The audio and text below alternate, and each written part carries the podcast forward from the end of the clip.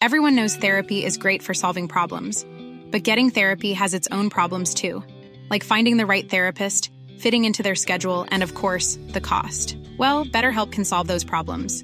It's totally online and built around your schedule. It's surprisingly affordable too. Connect with a credentialed therapist by phone, video, or online chat, all from the comfort of your home. Visit betterhelp.com to learn more and save 10% on your first month. That's BetterHelp H E L P. Burrow's furniture is built for the way you live. From ensuring easy assembly and disassembly to honoring highly requested new colors for their award-winning seating, they always have their customers in mind. Their modular seating is made out of durable materials to last and grow with you. And with Burrow, you always get fast, free shipping. Get up to 60% off during Burrow's Memorial Day sale at burrow.com slash ACAST. That's burrow.com slash ACAST. burrow.com slash ACAST. A lot can happen in the next three years. Like a chatbot may be your new best friend. But what won't change? Needing health insurance. United Healthcare Tri Term Medical Plans are available for these changing times. Underwritten by Golden Rule Insurance Company, they offer budget friendly, flexible coverage for people who are in between jobs or missed open enrollment. The plans last nearly three years in some states, with access to a nationwide network of doctors and hospitals. So, for whatever tomorrow brings, United Healthcare Tri Term Medical Plans may be for you. Learn more at uh1.com.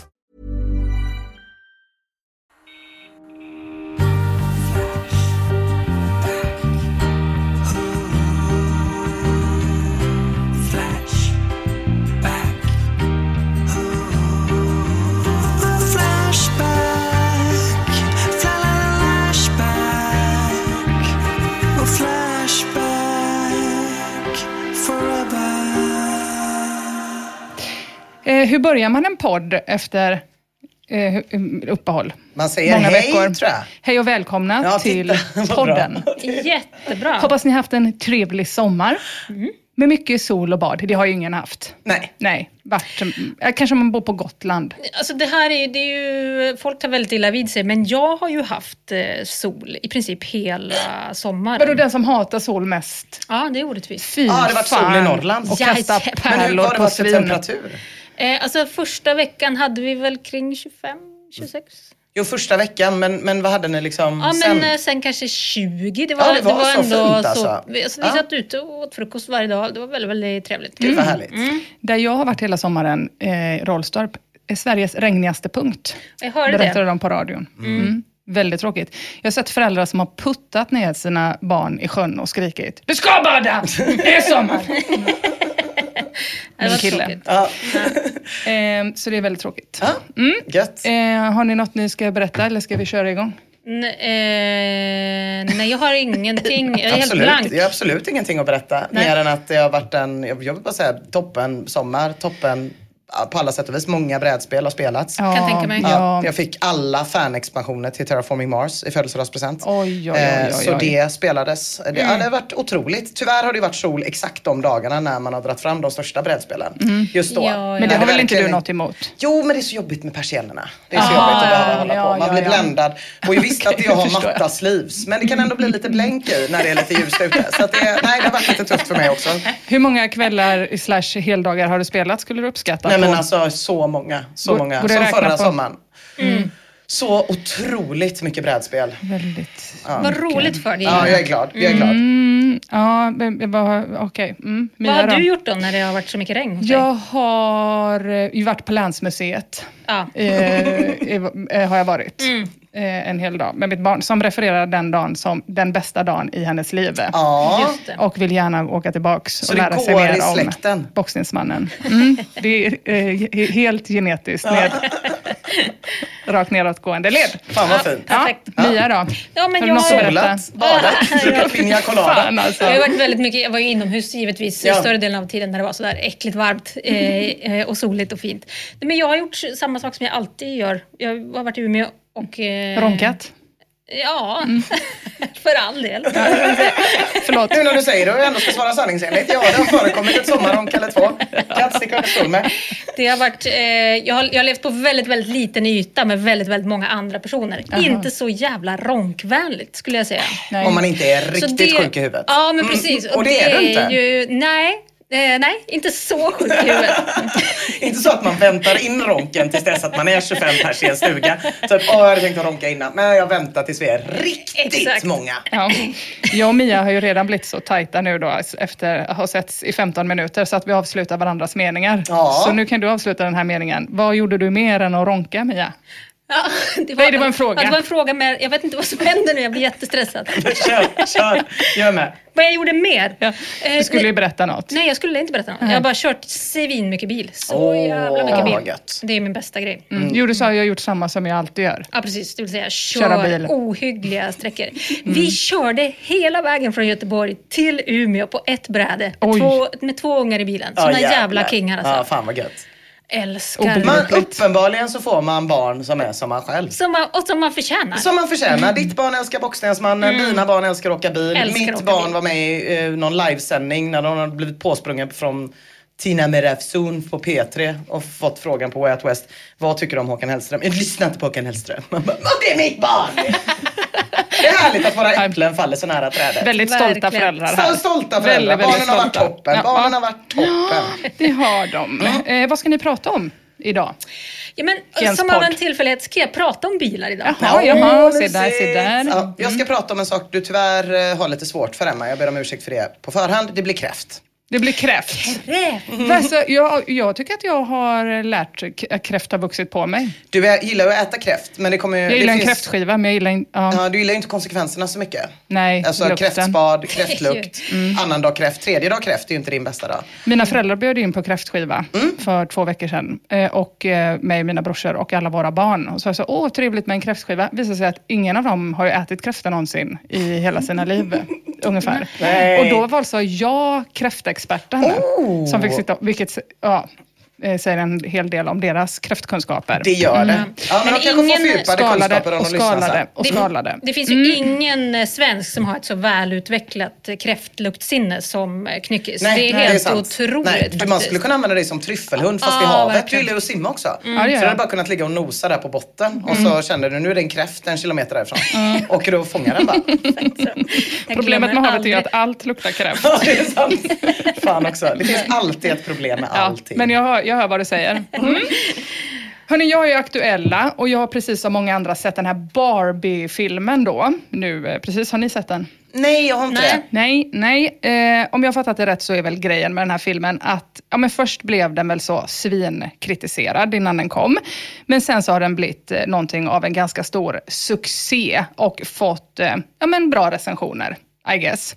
Eh, jag kollade på IMDB, killarnas recensionssajt. De har fan gett den 7,4 i betyg. Det är Otroligt högt, eller? Den har ju slagit... Inte lite högt som Oppenheimer, men ändå högt. Men i publikrekord så Ja, slog den ju... det gjorde den. Så de hade premiär samma dag. Var det tjejerna, killarna 1-1 då? Mm, mm. 1-1. Eh, ja, men det har varit eh, publikrekord som sagt. Mishima skriver så här på Flashback. Filmen har i skrivande stund dragit in 337 miljoner dollar. Några skrattar hela vägen till banken. Jag skiter i vilket, jag hade kul. Och på det här så svarar Kukpasta. Ja, judarna skrattar nog gott. Det är sådana som du som är problemet. Du gick säkert dit utklädd i rosa med en buttplug uppkörd i röven.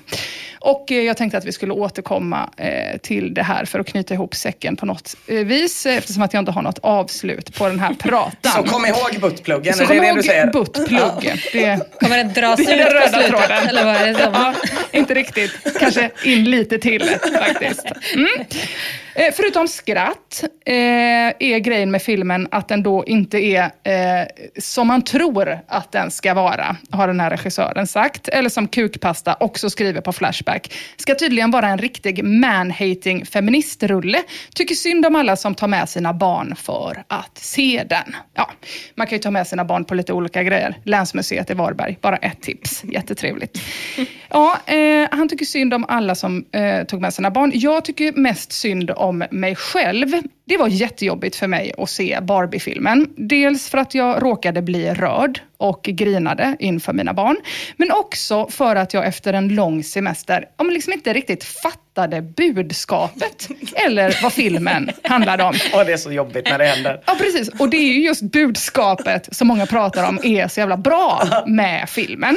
Det var otroligt jobbigt att min hjärna liksom, eh, under den här sommaren har blivit så jävla seg eh, att jag inte fattar Barbie-filmen. Den är från sju år. Det är väl ändå en barnfilm. Ja, vet du vad? Så känner jag varje gång jag ser Encanto med mina barn. eh, det, det, jag har väldigt svårt att förstå vad den handlar om egentligen. Men där säger också alla att det är budskapet som är så starkt. Man bara, vilket är det? Vilket, jag kan inte heller minnas Nej. Nej, jag menar. Eller ens vad den handlar om. Nej. Nej. Jag såg hela Babylon Berlin, fyra säsonger. Det var bara att jag och Jakob satt i soffan och sa, vad är det som händer nu? Vi är alldeles för dumma för den serien. Men så är det ju Weimarrepubliken, objektivt Ah, sett världens mest intressanta tidsperiod. Så jag bara, men vi ser en säsong till. Och sen bara satt vi där som två idioter med halvöppen mun. Vem är det? Vem är han? Varför gör han så? Fyra säsonger! Ja. Ja. Men det är ändå Weimarrepubliken. Det här var Ja, Barbie-filmen, Nina. okej. Ja, jo, visst. Ja, visst. förnedrande. Ni som, har, eh, ni som lyssnar nu som inte har sett den men hade tänkt att se den då, ni behöver inte vara så oroliga för att det här kommer bli en spoiler eftersom att jag då inte alls har förmågan att redovisa på något sätt vad det är jag har sett. Och framförallt så kan jag ju inte spoila slutet för jag fattar inte vad slutet var. Tänkte jag så här, kanske att jag har blivit en sån grottmänniska under sommaren. För den mest unika tanken jag har tänkt på hela sommaren är typ, mm, glass.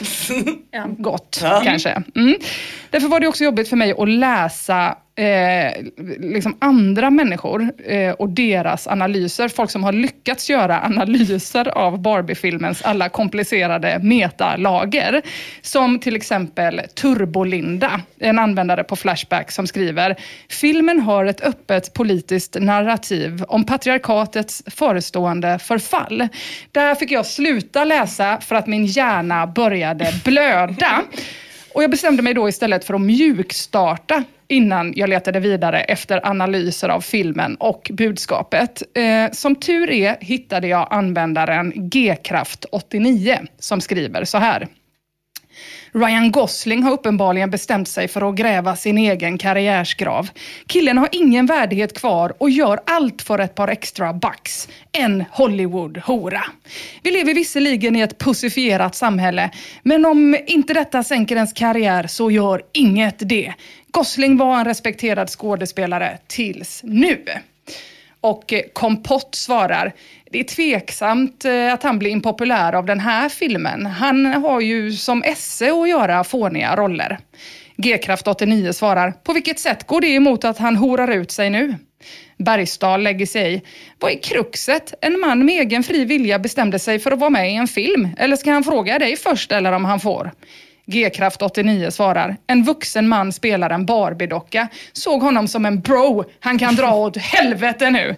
Det är djupt beklagligt att en tidigare respekterad skådis har blivit en hora. Ja, the, the Notebook var mycket mer Förlåt för mina bristande Ryan Gosling-kunskaper. Men liksom, vad är det för stora rollprestationer han har gjort? Mia har koll på Ryan Gosling. Ja, The Notebook Ja. är väl Jo, hans, okej. det som han blev ja, superkänd jag, av. vet jag hur den ser ut, omslaget på. Men Ja. sen då? Eh, eh, vad fan är det han har gjort mer? Okej, respekterad skådis. jag, jag ser det som ett... Nej, det är no, det, han, någonting han måste ha gjort fler han spelar väl storfilmer. tuffing och så ganska mycket, gör han inte? Ja, Tuff tuffing kille. spelar han också. ja, ja, det gör han. Vad skönt. Då vet jag. Då vet du. Tur att jag har er som kan förklara. Ja, det här gillar jag. Det här är på min nivå. Någonting, någonting, notebook, Någonting, glass någonting. och sen Tuffing. tuffing. Ja. Jag älskar den här diskussionen som G-kraft 89 har satt igång. Det är en diskussion lite mer på min nivå. Att någon är en hora, det är en mjukstart. Man sätter igång med Flashback-podden efter semester. Vi fortsätter myset. Leif och Billy skriver, alla som tar emot ersättning från någon annan är i princip en hora enligt dig. Och G-kraft 89 svarar, på sätt och vis ja. Men nu är han en hora utan värdighet. Wild Beast skriver, vad är det som är så hemskt med detta då? Filmen verkar ju vara en lite ironisk drift med hela Barbie-konceptet. De har matchande kläder som bygger på autentiska Barbie-outfits och så vidare. Barbie har diverse rekvisita, det är poolen, bebisar, hästen, eh, Ken. Han är bara där för att Barbie ska ha en pojkvän, inte som en riktig figur med någon sorts agens. Han ska le, vara snygg och byta kläder ofta. Och G-kraft 89 svarar, och det är just därför som han är en hora. Ja, balsam för min hjärna, skulle jag säga. Enkel och kärnfull argumentationsteknik. Jag älskar det. Herr Kaffekopp skriver, vad man ska tycka om Barbie, det vet jag inte. Regissören har ju påstått att det inte är vad man tror. Verkar vara någon satirkomedi. Men att grina och kalla han kass för att han är med i en film som man inte ens är intresserad av, det är bara patetiskt. Och G-kraft 89 skriver, han är en hora, återigen. Nu kommer jag på en till Ja. film. Lars and the real girl Just är han ju med i. Otrolig film. Eller var när jag såg den förut. Är den kontroversiell nu för tiden kanske? Är det Han den gifte att sig de blir kär i en real doll? Ja, precis. Ah. Ja, den har jag inte. Mycket dockfilmer. Mycket dockfilm. Ah, Verkligen. En nisch. Okej, säga. tuffing, dockfilm och eh, dagboken. Ja. Perfekt. Ja, men så det var ju det som G-kraft tyckte om eh, Ryan Gosling. Eh, Han har inte jättemycket att säga om hon som spelar Barbie, förutom Margot Robbie känns för fet. Det är bara det. Som sagt, kärnfullt. Men, ja, och kul, Känns med för fet. Kul med, kul med en kontroversiell åsikt, antar jag. Jag tror inte det är många. Ovanlig. Också märk väl, känns för fet. Inte är för fet. Det är ändå ödmjukt. Mm. Min slöa lilla hjärna fick lite energi av det här och bestämde sig för att fortsätta kolla runt vad forumet tycker om Barbies generellt. Jag hittade lite olika grejer om den gamla dockan som är både älskad och hatad även på forumet. När Mattel i april lanserade en ny docka, de gjorde en serie som heter Fashionista eh, och släppte den här dockan, då kände användaren Bolgo att han behövde dela med sig på forumet. Bolgo skrev så här. En ny Barbie-docka har släppts! Jag såg en bild på henne och kände genast samma åtrå som till de andra Barbie-dockorna. Helt plötsligt ryckte det till. Håller jag på att ändra mina sexuella preferenser eller vad? Är det någon som känner eller tycker samma? Och det här skriver han då i sin tråd. Varför är jag lika attraherad av den nya mongoloid Barbie? Aha, okej. För jag förstod inte alls vad det var som hade ändrats. Men nu, Ja, precis. Förstår jag. Jag vet det inte. var också en kontroversiell åsikt. Två, kul! Ja, jag vet inte hur mycket som har ändrats på den här dockan. Jag har bildgooglat den. Eh, Det har också rannsakaren gjort. Han skriver, den där dockan ser inte särskilt mongo ut. Stefan Löfven ser faktiskt mer mongo ut och han dreglar och sluddrar dessutom. Så att de sexuella preferenserna verkar inte ha ändrats så mycket då för Bolgo. Eh, Det är inte jättelätt att se att den här Barbien har down syndrom. Eh, Jag fick kolla lite närmare. Och det som visar då att den har down syndrom, det är att den här dockan eh, runt halsen bär citat eh, ett rosa halsband som symboliserar den extra kromosomen som personer med down syndrom lever med. Det var, väldigt, det var inte helt lätt att fatta. Ah, okej. Den har också stödskenor på benen. Jaha. Som jag inte riktigt eh, Nej. förstår. Nej. De kanske gjorde en sån... Någon ben, benskörhet. Du hade ju såna En ja, ja, det hade jag ju. när du var gravid. Ja, stödsken på armarna ja. Ja, det var på armarna. Det var just det, att jag hade fick karpaltunnelsyndrom. Ja, väldigt ja, förnedrande. Mm. Men De- vad menar du nu? Är det en helt vanlig Barbie med eh, bara det halsbandet? Ja, den, eh, den har också en glå, eh, blågul klänning med fjärilar som också ska vara någon slags eh, så. Och lite att ansiktet, ögonen ska vara lite mandelform. Det var det jag undrade. För det finns ju sånt, ändå ett specifikt eh, utseende associerat med det där med det Ja, syndromet. ja, men det är inte helt lätt Nej. om man inte vet om det. Nej, nej. Men, och så har den de här stödskenorna. De kanske körde som protes och down syndrom som två flugor i en smäll. Just det är det. väldigt smart.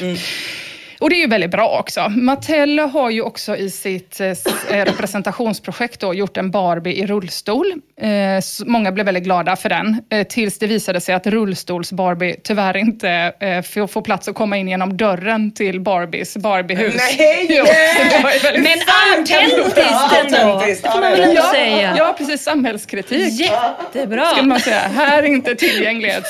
Nu ska vi på Mattel visa att världen är inte tillgänglig. Ja, Våran värld är inte tillgänglig. våran värld framför allt. Vadå, då får hon bara sitta utanför då? Ja, Och... då, får, då, ja, då blir hon ju hemlös då. Så det blir också två flugor i en smäll. Ah, Det, så det är bra. Mm. Och det är ju också tanken som räknas, eller hur? Det är det faktiskt. Och Barbie har verkligen försökt att vara inkluderande. De kämpar på. På Flashback hittade jag också tråden muslimsk Barbie. Det finns jättemånga trådar om det här. Eh, men den här tråden då, muslimsk Barbie i forumet för integration och invandring. Eh, och den här muslimska Barbien eh, kom då efter att den blonda vanliga Barbien förbjudits i Saudiarabien och bojkottats i Iran. Ehm, och då lanserades det en egen docka, en Barbie för muslimska flickor då. Och den här Mm. dockan heter Fulla. Mm. Den kommer med rosa bönematta, matchande slöja och en minikoran. Alltså, Gulligt. Eh, sån, det Och det här gör de av sin godhet. det gör de av sin godhet. Företag, företagen kommer lösa allting Ja. om vi bara låter dem göra Ja, det. då. Mm. Undrar om det också finns barn som har sån minitändare som försöker tända på den lilla minikoronan. Det vet jag inte. Det, det har, den har inte Mattel gjort, den dockan i alla fall. Den här dockan då, Fulla, gjort stor succé, speciellt bland föräldrar. Den går till moskén, har ingen horig pojkvän och arbetar som tandläkare. Så att det är ju perfekt. Ja. Jävligt realistiskt. Ja. väldigt, väldigt bra. Användaren Emanciperad kvinna från Mellanöstern, you say. I say dentist. Tada!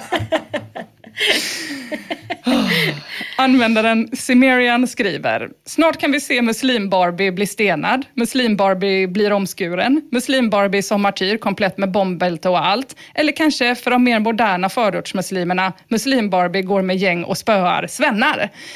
Och sen skriver han, någon sa att det är minst lika illa med en smal och fräsch västerländsk Barbie, men det är knappast nyktert sagt. Vår västerländska docka är bärare av ett skönhetsideal. Och helt ärligt, vem vill leka med en tjockismock Barbie, eller en finnig Barbie, eller en butch Barbie?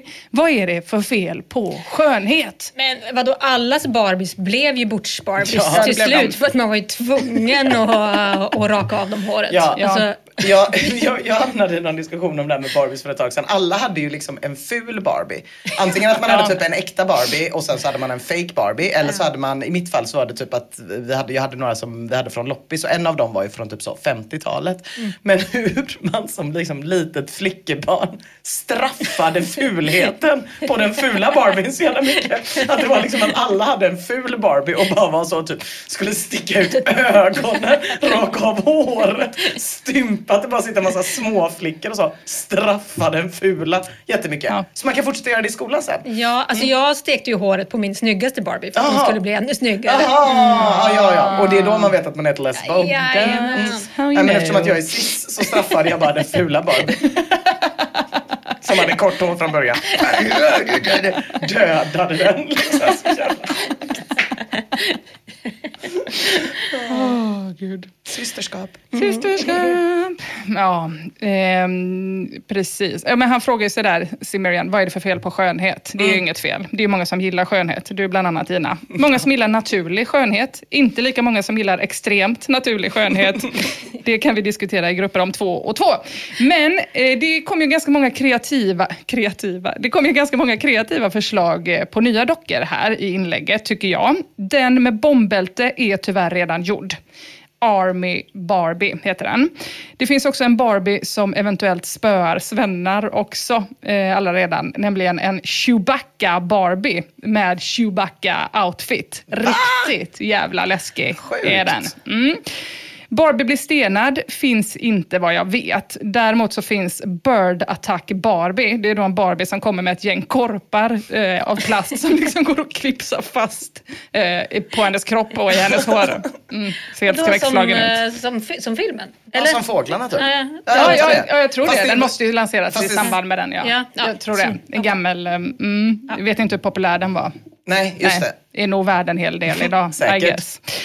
Eh, det har också gjorts en hel del Barbies i kategorin som Cimmerian gillar, nämligen kategorin naturlig skönhet. Till exempel Slumber Party Barbie. Eh, Den kom med en våg som var inställd på en målvikt.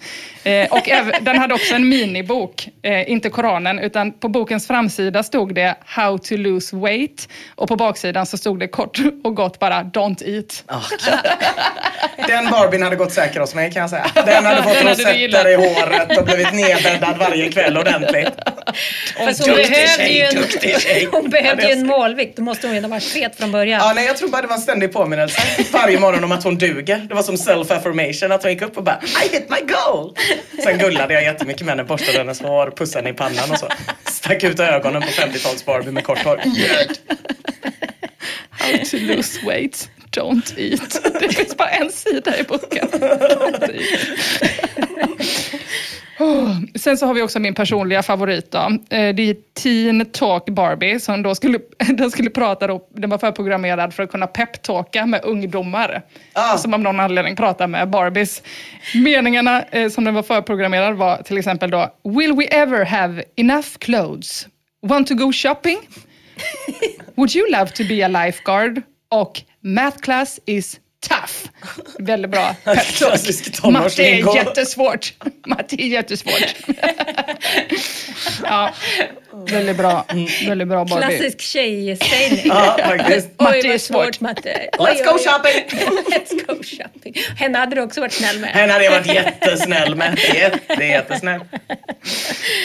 Ah, Det är ju sant också. Matte är svårt. Minst lika svårt som att fatta budskapet i Barbie-filmen.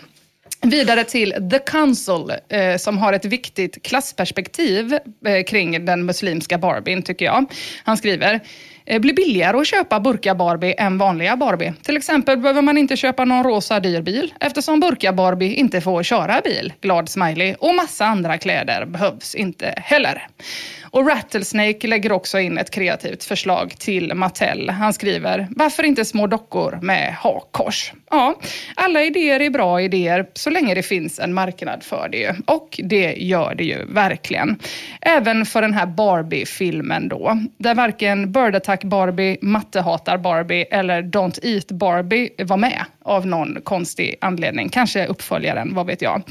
Och filmen har ju då blivit eh, förbjuden, har den blivit, i lite olika länder. Eh, just på grund av budskapet. Eh, budskapet som jag ju då inte riktigt får grepp om.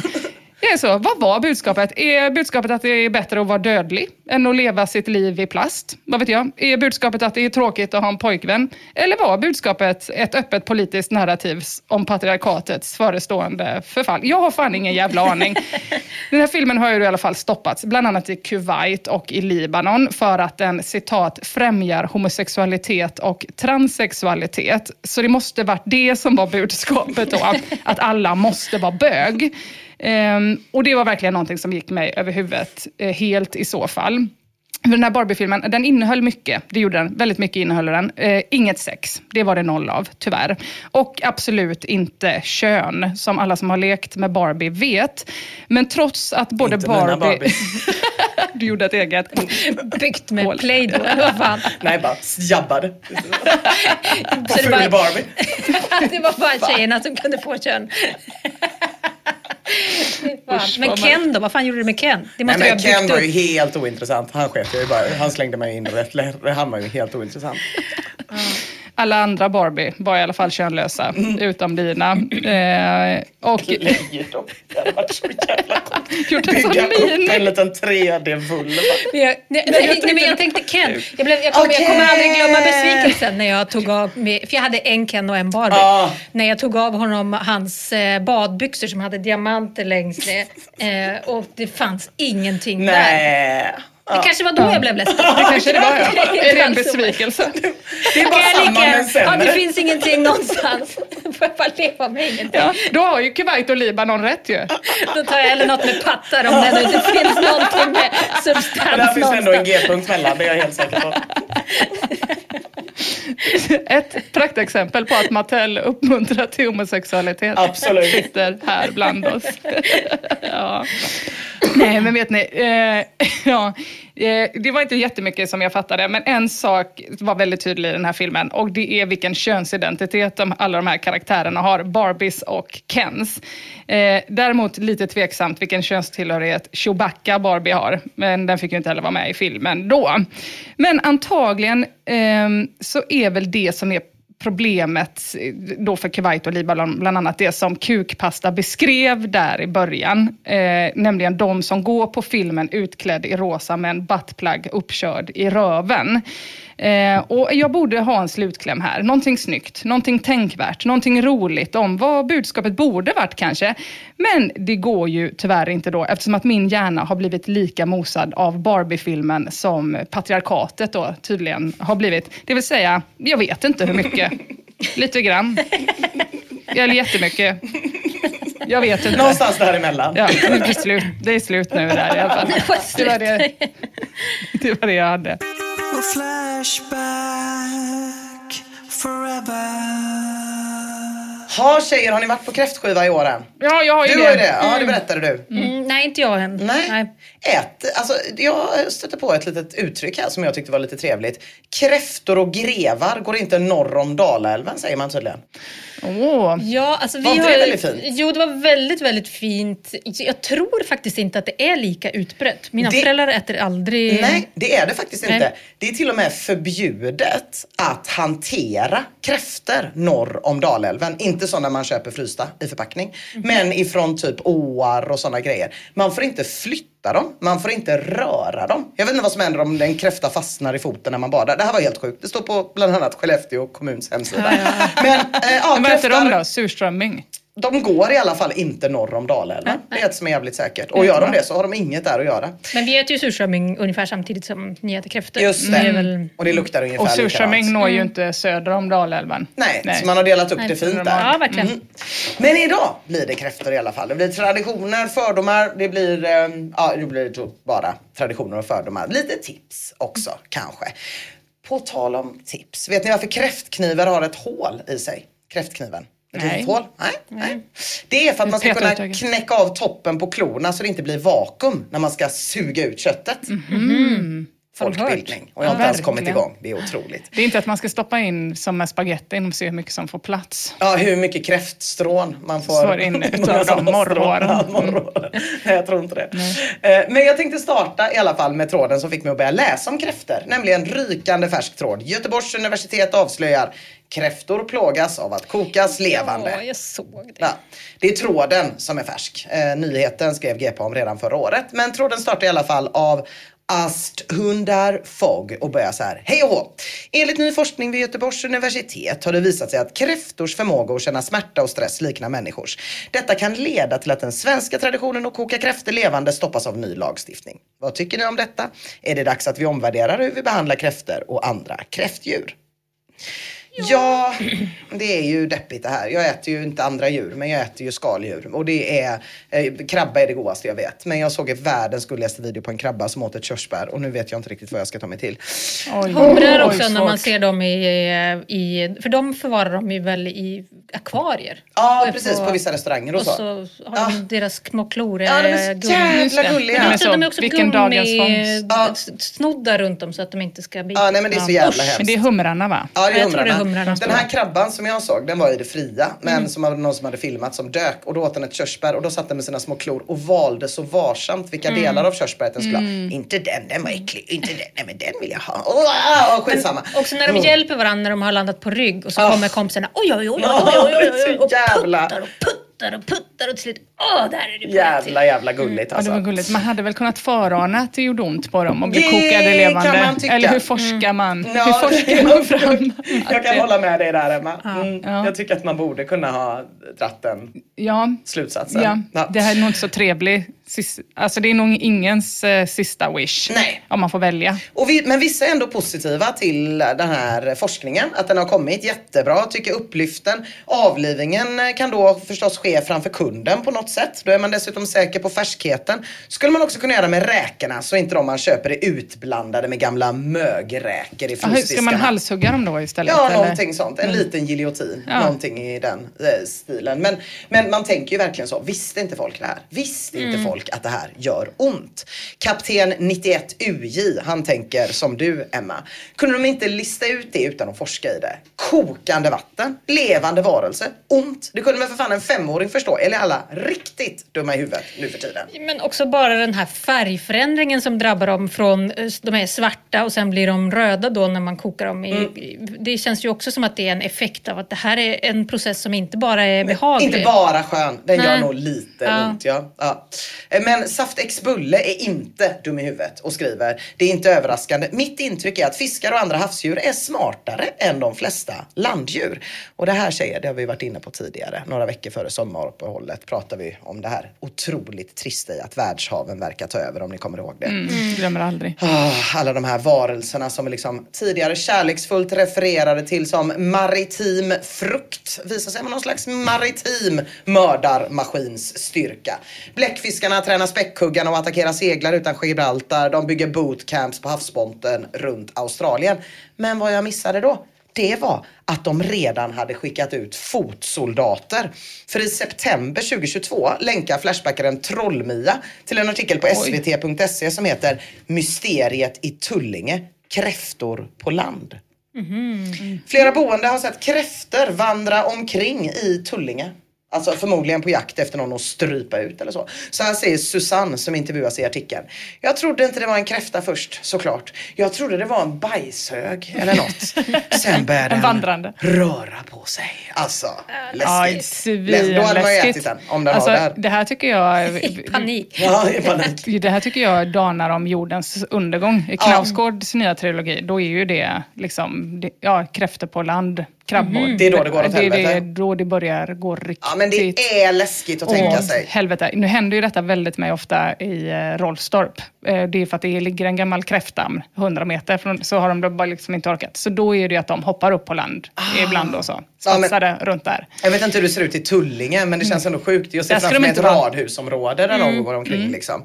Även förskolan i området har haft påhälsning av de här små jävlarna då. Vilket i och för sig är vettigt för det är ju svinenkelt att strypa ut en dagisfröken som eller en treåring, eller vad man nu vill ha för någonting. Men tillbaka till kräftorna och deras lidande. Förtjänar de ens att dö fridfullt? Det är frågan. Nu när vi vet att de stryker runt i Tullinge kamouflerade till bajshögar och väntar på att få lägga klorna på något litet barn på förskolan. Nej, det tycker inte Kamrat Blue som skriver så här.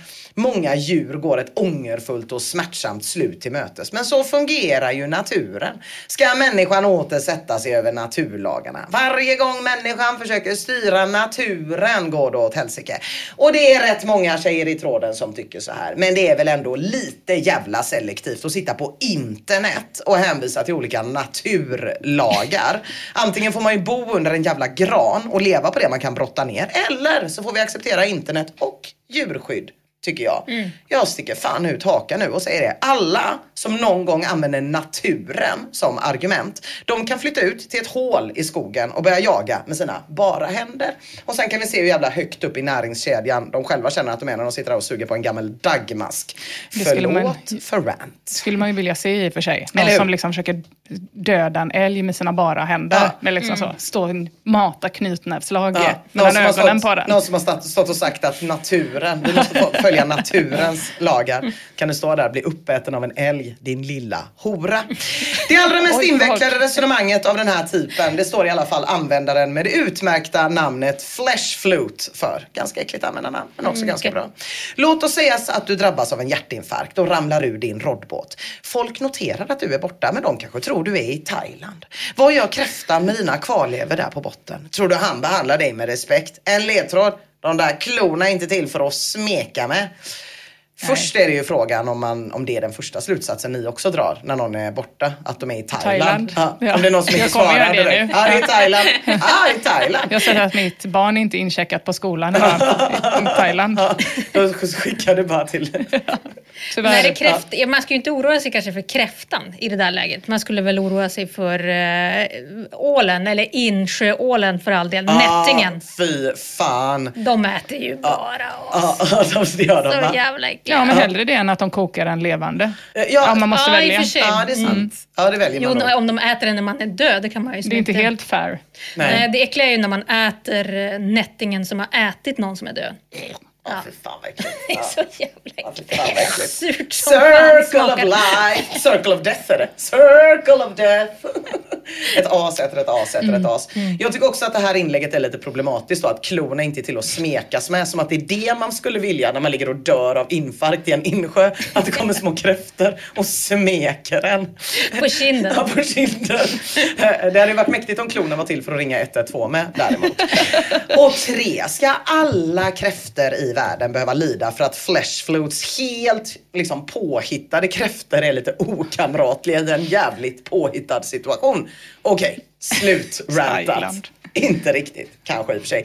För det uppstår en liten fight mellan användarna Scoremax som är emot plågsam avlivning då och Buzzer Buzzer som är för plågsam avlivning.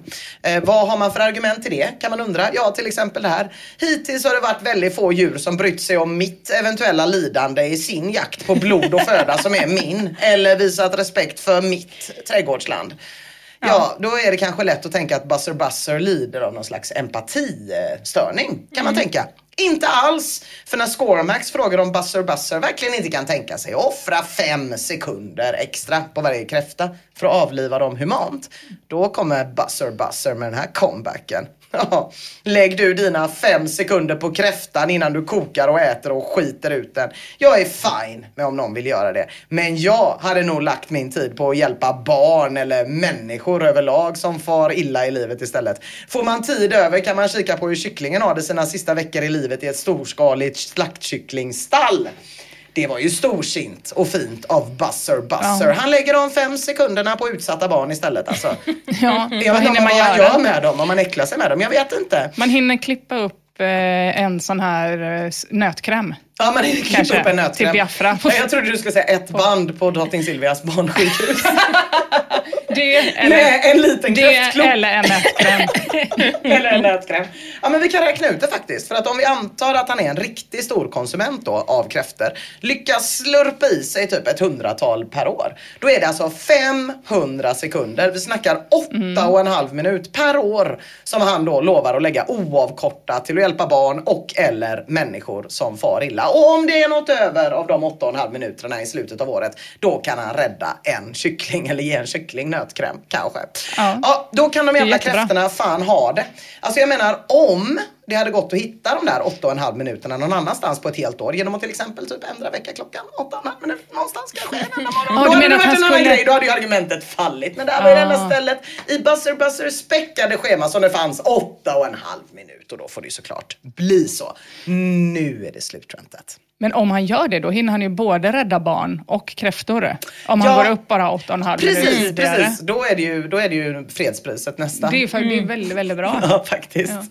Men hur gör man då om inte kokning funkar som human avlivning? Forskaren som intervjuas i den här nyheten och som det hänvisas till i Flashback-tråden berättar såklart det i ett två minuter långt pedagogiskt klipp som absolut ingen orkar titta på. Det är ändå två minuter långt. Och den tiden kanske ändå Flashbackarna vill lägga på Rädda Kycklingar eller någonting. Så de kör lite egna gästningar. Det kommer från höften. Muntermongo skriver en rejäl örfil innan kokning så de domnar. Det är bästa sättet. Och Awkwardman tycker en kniv genom huvudet är bästa sättet. Upplyftaren tipsar om koldioxidlådan eller gaskammare för kräftor som Ah. användare som heter Rullator-Ronny. Som ett Auschwitz. Ja, ett litet, litet Auschwitz. Roen tycker elpistol, det hade fan sett för jävligt ut där ute i stugorna i så fall. Ja, de måste Farligt ju vara ihop med så, det är vatten. någon slags nanoteknik antar jag som behövs Ja. eh, för, att, för att bygga en så liten, liten elpistol. En sån liten. Ja, men det värsta är väl att folk hade använt helt vanliga elpistoler så det bara blixtrat i köken i villakvarter. Ser jag framför Men mig. em, giftinjektion då, som dödsstraff? Men om du ska Tråkigt äta dem sen? äta den sen. Ja, men om man bara ska ha den som pynt eller till att klippa band med så går det ju bra. Då går det jättebra. Eller man ska göra den här grejen bara där det är spexigt på kräftskiva man röker en cigg med en kräftklo. Då kan man ju använda det. Det är Mm. gift tror jag. Tror jag kanske. Kanske inte. Jag vet inte. McDamon skriver att det finns professionella kräftkokare som avlivar med gaslåga innan kokning. Men alltså vadå bränns eller skållas röts? Det är väl ändå skitsak samma. Men känner man inte också att det är ju också taskigt att avliva dem precis innan man ska koka dem? Alltså hade det inte varit snällast att avliva dem precis när man har fångat upp dem? Jo, det är ju snällare. Men det är väl färskheten där då? Ja, men... Ja, men hur noga kanske- kan det vara? Ja, jag menar Ja. det. Man äter ju för fan kinesiska eh, insjökräftor. De är dunder, vill jag också bara säga. Fan vad de är goda. Och Tridnod skriver OT, men nu blir jag sugen på en hink turkiska kräftor. Say what? Ja, där blev det ju turkiska, ja, inte de kinesiska. jävla Ja. toppenmärke. Några tipsar om Krustastun. Det är alltså inte ett punkband som man kanske tror, utan en slags elektriska stolen för skaldjur. när man ger dem en rejäl kyss innan man hystar dem i kastrullen. Det verkar ju bra. Slutligen skriver OZ007. Jag tycker kräftor borde avlivas fortare genom arkebusering till exempel. Eller injicering, då gärna med vitlök och lime för bästa smak. Ställ upp dem på rad. Fishy, nam nam. Det är så äckligt skrivet. Fishy namnan var riktigt äckligt. Brr. Det var verkligen äckligt. Manginas inne lite på samma spår. Man borde kanske droga ner dem. Det var lite vad, vad, vad som föreslogs här också. En hotbox med THC tills de slocknar kanske. Får jag servera heroinmarinerad krabba? Det är lite samma spår här liksom. Att man passar på att fylla dem med lite gott i samband med att man dödar dem. Prora undrar hur stort det här problemet kan vara egentligen. Den skriver, hur vanligt är det förresten att stå hemma i köket och koka kräftor nu för tiden? Hör inte det till en svunnen tid där Astrid Lindgren och Fritiof Nilsson Piraten gav oss berättelser om en än mer svunnen tid? Det var väldigt var fint. skrivet Verkligen. faktiskt. Och det ligger ju väldigt mycket i det. Inte fan som man att koka kräftor, man köper ju dem kokta. Slutligen är det nog ändå Crusade som sätter huvudet på spiken och spiken i kistan när den skriver. Skulle tro att merparten av oss som äter kräftor köper de frysta varianterna som finns i matbutikerna från antingen Kina eller Turkiet. Finns det ingen som har koll på hur de gör? Ja, nu blir det ju bökigt tjejer. Det blir ju bökigt att kontrollera alla kräftor som importerats. Att alla de då ska Ja. ha dödats enligt svenska jordbruksverkets regler. Hello, is this China's president? I don't remember your name. Your names all sound the same to me. Anyway, I'm calling from Jordbruksverket about the kräfts. We know it's your culture to eat strange things like dogs and eyes from cows and pigs' penises. But can you please kill the kräfts we buy more nicely? Thank you. Also, can we have squeamin high? Bye, bye. Och sen bara, Hello Erdogan, can you please kill the turkiska kräftor more humane? And also, we have a NATO application. Is it going good? Please hurry. And also the kräftor. Here are all our Kurds. Please kill them humane too. Bye, bye. Ja, vi det känns se. jobbigt om Erdogan måste prioritera. Ja. Att det, vi är redan en tjänst. Alltså, vi är redan störa en tjänst. Ja, jag ser inte framför mig att det blir ett rungande är ja från vare sig Kina eller Turkiet. Nej, här. NATO och Frutti di Mare situationen. Nej, att man försöker baka in det lite också. Kan du fixa det här med kräftorna och Gui Min Hai samtidigt? väldigt liksom. Men frågan är om de skulle få säljas kräftorna. Eh, om det finns regler Ja. för hur de Ja, ska... ja, om, om reglerna ändras då, Ja. vilket är bara ett förslag i och med att då den De här känner nya smärta. enorma forskningen har kommit. Att de känner smärta. How would you like to look five years younger? In a clinical study, people that had volume added with Juvederm Voluma XC in the cheeks perceived themselves as looking five years younger at six months after treatment. Look younger, feel like you. Add volume for lift and contour in the cheeks with Juvederm Voluma XC. Reverse signs of aging by adding volume to smooth laugh lines with Juvederm Volure XC. For important safety information and to find a licensed specialist, visit juvederm.com. That's J U V E D E R M.com. Not for people with severe allergic reactions, allergies to lidocaine, or the proteins used in Juvederm. Common side effects include injection site redness, swelling, pain, tenderness, firmness, lumps, bumps, bruising, discoloration, or itching. There's a risk of unintentional injection into a blood vessel, which can cause vision abnormalities, blindness, stroke, temporary scabs, or scarring. Talk to a licensed specialist to find out if it's right for you. Everyone knows therapy is great for solving problems, but getting therapy has its own problems too, like finding the right therapist, fitting into their schedule, and of course, the cost. Well, BetterHelp can solve those problems. It's totally online and built around your schedule. It's surprisingly affordable too.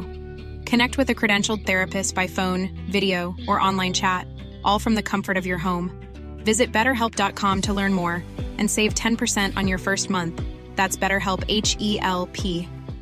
One size fits all seemed like a good idea for clothes Nice dress. Uh, it's a it's a t-shirt. until you tried it on. Same goes for your healthcare. That's why United Healthcare offers a variety of flexible, budget friendly coverage for medical, vision, dental, and more. So, whether you're between jobs, coming off a parent's plan, or even missed open enrollment, you can find the plan that fits you best. Find out more about United Healthcare coverage at uh1.com. That's uh1.com. Ja, ja, oavsett hur det gick till är kräftorna kokta och det är dags att äta dem. Men hur fan gör man egentligen? Har ni några specialknep? Nej, jag eh, som sagt håller mig till insjökräftor men det är mest för att jag eh, tycker jag blir så sårig av eh, Ja, de är lite taggigare. saltvattenskräftor. Jag äter ju bara stjärten, men jag låtsas som att jag äter hela. Just det. Alltså jag måste, mitt, mina kräftskivor går ut på att jag måste dölja väldigt mycket. att folk inte ska se att jag är ett as som äter ett as som äter ett as. Som du sa. En gång så åt jag kräftor med en kompis. Och när jag tittade på hennes tallrik så hade hon inget skal. Oj. Eh, Förlåt fördom, var den här personen asiat?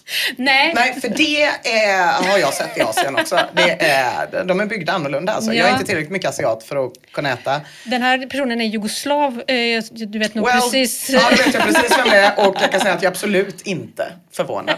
Jag var med henne på Jean Paul. Ja, jag såg det. Ja. Vad hon kan dansa Hon och kan äta dansa, kräftskal. dansa och äta kräft, det är hennes grej. Ja, och shotta, det är hon också jätte, jätte duktig på. Ja, ja, I Gubbelisas tråd, kräftor det bästa som finns, där skriver Gubbelisa, jag brukar köpa ett paket själv och sitta vid min dator och smaska i mig allt. Det är ändå en syn för gudarna. Och i tråden Årets kräftor, vilka är bäst? Vill Captain White ha tips på prisvärda utländska frysta kräftor så han kan köpa fyra fem paket och smaska en gång i veckan med vitlöksbröd och Trocadero Zero. Ja, men fan vad äckligt ändå att äta kräftor vid tangentbordet. Ja, jag tycker det. Jag tycker tänk den det. Ursäkta för klasshat, Nej, jag- men det är fan äckligt alltså. Jag tycker fan det. Det är fan riktigt äckligt. Tänk, det kommer lukta så mycket kräft om det hela tangentbordet. Men det är också en sjuk grej att behöva förklara i efterhand att man har tagit sig ett kräftsnack framför datorn. Det är så jävla Ja, men du kunde väl ha städat upp Johan. Men morsan! Jag kommer flytta om du ska hålla på så. Man sitter en sån hemmasittare i 32-årsåldern med ett kräftberg som bara gått och lagt sig efteråt. Syn, syn på ett LAN, Ja. Jolt Cola. av- Och kräft. Varför har du så mycket hushållspapper vid datorn? Det är till kräftorna morsan! Men den matigaste kräftätartråden det är nog ändå hur äter man kräftor nu igen? Den är startad av Disaster som har köpt en förpackning kräftor men inte kommer ihåg hur man äter dem. Det tar Bullmamma några minuter att googla på hur äter man kräftor och såklart posta länken i tråden. Men man vill ju ha initierade tips va? Från sina forumpolare, inte en jävla Google-länk. Kolmar har ett rakare svar. Suck that bitch, bite his ass off. Ja, coolt. Lite så gör man ju faktiskt, men det är inte jättebra hjälp för en som helt har glömt av hur man gör. Aberat har en lite mer ingående beskrivning. 1. Bryt av och ät klorna. 2. Suger um i mig så mycket saft jag kan från undersidan av kräftan. 3. Byter av huvudet och tar bort skalet runt skallen och äter och suger ut så mycket som möjligt. 4. Skalar kroppen. Och om en bajssträng ligger synligt, då tar jag bort den om jag orkar. Sitter den inte synligt, då letar jag inte efter den, utan jag äter upp den bara. Till detta, skivad baguette, eh, kryddost och snaps. Det är Ja. ju en väldigt exakt Kryddost. beskrivning. Ja, Kryddost. Vad är, det för, vad är det för kryddost? Det är väl ofta kummin eller mm. nejlika är det ibland också. Ja, kummin är det en hårdost? Mm, det är en hårdost med sånt här i. Men hur, hur glömmer man hur man äter? Ja, det är Det är som att konstigt. glömma, jag glömde i och för sig att jag var vegetarian. och är nu vegetarian som äter bacon. Ja, just det. Känner bacon smärta? Nej. Nej. Nej. Med, men med havskräftor tycker jag att det är så. Att jag glömmer hur man, vilken ordning man tar allt i. Och Men vart det är man ska bryta samma först. ordning. Jo fast de är ju så mjuk, eh, turkkräftorna. så Ah, att man du behöver liksom så. inte, det kan inte gå så Nej. fel. Men med havskräftorna behöver man öppna först på ett ställe för att kunna komma in i nästa. Var det insjökräftor eller havskräftor som man åt skalet på? Nej det var, det var För hade det varit havskräftor så hade det varit riktigt Kingigt. mäktigt. Då hade det varit riktigt Det hade- mäktigt. Ja. det Men det var, också, det var också inte en hel kräfta vill jag, vill jag vara tydlig med. Men det var mindre skal än vad det borde ha varit på den där tallriken. Men det där med, med bajsranden tjejer, det där skrämmer ganska Bairando, många kräft, bairando. kräftätare. Solfager säger, den enda delen som de går någorlunda bra att äta på en kräfta, det är ju klorna. Kroppen vägrar äta, den har ju en sträng av bajs inuti sig. Men det är ingen fara med bajssträngen, tycker Hisper som skriver. Om man har förmånen att kunna fiska kräftorna själv, då kan man låta kräftorna gå i en kräftsump några dygn. Under den tiden utfodrar man dem med en stabbig osaltad gröt. Gröten passerar deras mag och tarmsystem och man behöver faktiskt inte rensa bort tarmen. I alla fall så syns den knappt. Och man vet faktiskt vad som finns i den och det känns inte så motbjudande att äta den rakt av. Men på det svarar ju talibankocken det alla tänker. Vitt bajs är också bajs. Ja. Och till och med värrbajs, eh, väl. Det är ett väldigt, väldigt sjukt bajs. Ja, Eh, det precis. precis ja. Så det är Men ju... det är klart att man är inte mer än människa att om man skulle få två kräft framför sig och en där bajssträngen inte syntes och på något sätt var integrerad i köttet och Ja. en där den syntes Ja. så är det ändå tagit den integrerade. Alltså känns det inte bättre att kunna plocka bort Jo men den? om man inte fick plocka bort den. Aha. Ja. Mm. Ja, jo, det hade jag nog också Där gjort. någonstans. Ja. Mm. Men eh, det är klart att man vill kunna plocka bort den eh, såklart. Eh, och det känns ju väldigt mycket lättare att hitta och plocka bort Mm. En svart bajssträng än en kräft kokt kräft vit. T3 Disaster skriver, jag åt fem stycken kräftor idag. Tror jag fick i mig bajset som en del skriver om för jag tog hela kroppen i en tugga och fick därefter en kväljning. Fyra månader senare kom han tillbaka och skriver, jag har faktiskt halva paketet med kräftor kvar i frysen. Jag har låtit den ligga där sedan incidenten men snart är det dags igen. Ja, upp på hästen bara. Disaster. Men han återkommer tyvärr inte till tråden. Vi får aldrig veta om han åt upp de sista fem kräftorna. Men den där jävla bajranden, den diskuteras flitigt i forumet kan jag säga. Men det är väl sjukt att äta hjärnan men inte äta bajranden? Ja, det är ganska Det konstigt är ganska faktiskt. sjukt ja. Ja. Men man plockar ju bort den. Också Eller jag gör det i sjukt alla av Länsmuseet i Varberg att ha bevarat boxningsmannens hjärna men inte bajranden. Som sitter i ryggraden även på boxningsmannen. Han låg i en mossa så länge. Han Ja, det, jag tycker det är en konstig kritik. Ja, att det det är är, det äckligt faktiskt. om man suger på huvudet. Ja, men jag kan faktiskt hålla med. Mm. Dessutom är det kanske lite konstigt med tanke på en fråga som många ställer sig på Flashback eh, i tråden exempelvis. Hur är det med bajsranden i räkor versus kräftor? Sant. Ja, eller hur? Niklas, eh, trådstartaren, skriver Hur är det egentligen med bajranden man hittar i stjärten i till exempel räkor och kräftor? Har det faktiskt blivit bajs där? Eller är det bara senaste maten som ligger i deras tarmar? Färgen är lite suspekt. Och användaren Spindrift påpekar då tyvärr att räkor och kräftor äter till exempel bajs och ruttnande kadaver. Och i så fall borde det alltid vara bajs i den där tarmen oavsett om det är kräftbajs eller något annat bajs som kräftan har hittat på havsbotten och satt i sig. Ja. Fansloff, han är på din sida. Han tycker att folk ska sluta sjåpa sig. Aldrig hört talas om att man pillar bort bajranden på kräftor. Sitter man och suger i deras hjärna, då kan man lika väl käka deras bajs. Ja. Där har du en på din sida. Och sen så har vi ju några som vill gå steget längre. Några edgelords som säger att bajranden den är utsökt. Nej, men det ska man nog ta med en nypa salt. Alltså, Den smakar väl ingenting? Nej, jag tror verkligen inte det. Eh, Men det är lite underligt det här att det anses vara så stor skillnad på räkor och kräftor. För det är tydligen helt sjukt att inte ta bort bajranden på kräftor. Men helt sjukt att göra det på räkor enligt Flashback. Ja, Mm. jag tar det bort på båda. Jag gör det på stora räkor, det äter man ju inte så ofta. Men på små räkor så gör jag inte det. Då äter jag dem bara, skalar jag dem och äter dem direkt. Jag drar inte bort där bak. Men om de är stora gör jag det. Jimbo är en voice of reason. En sak jag inte riktigt har förstått det är att det är självklart att bajranden ska pillas bort på kräftor. Men om man pillar bort bajranden på räkor då är man tramsig. Det är ju bajs i båda. Ja, det är som du säger Mia, jag kanske får ändra min åsikt Mm, Det där. man ser, inte ser har man inte ont av. Nej, så är det ju. Så är det ju. Ja. Även vitt bajs är ju dock bajs, så att det är dubbeltydigt det här. Jobbigt det blev. Vad man kan säga om den här tråden, det är att den är mycket kortare än vad man skulle kunna tro. Men sen fattar man att det har rensats hårt i den när man läser moderatorn Wireless G-Kit 2s inlägg.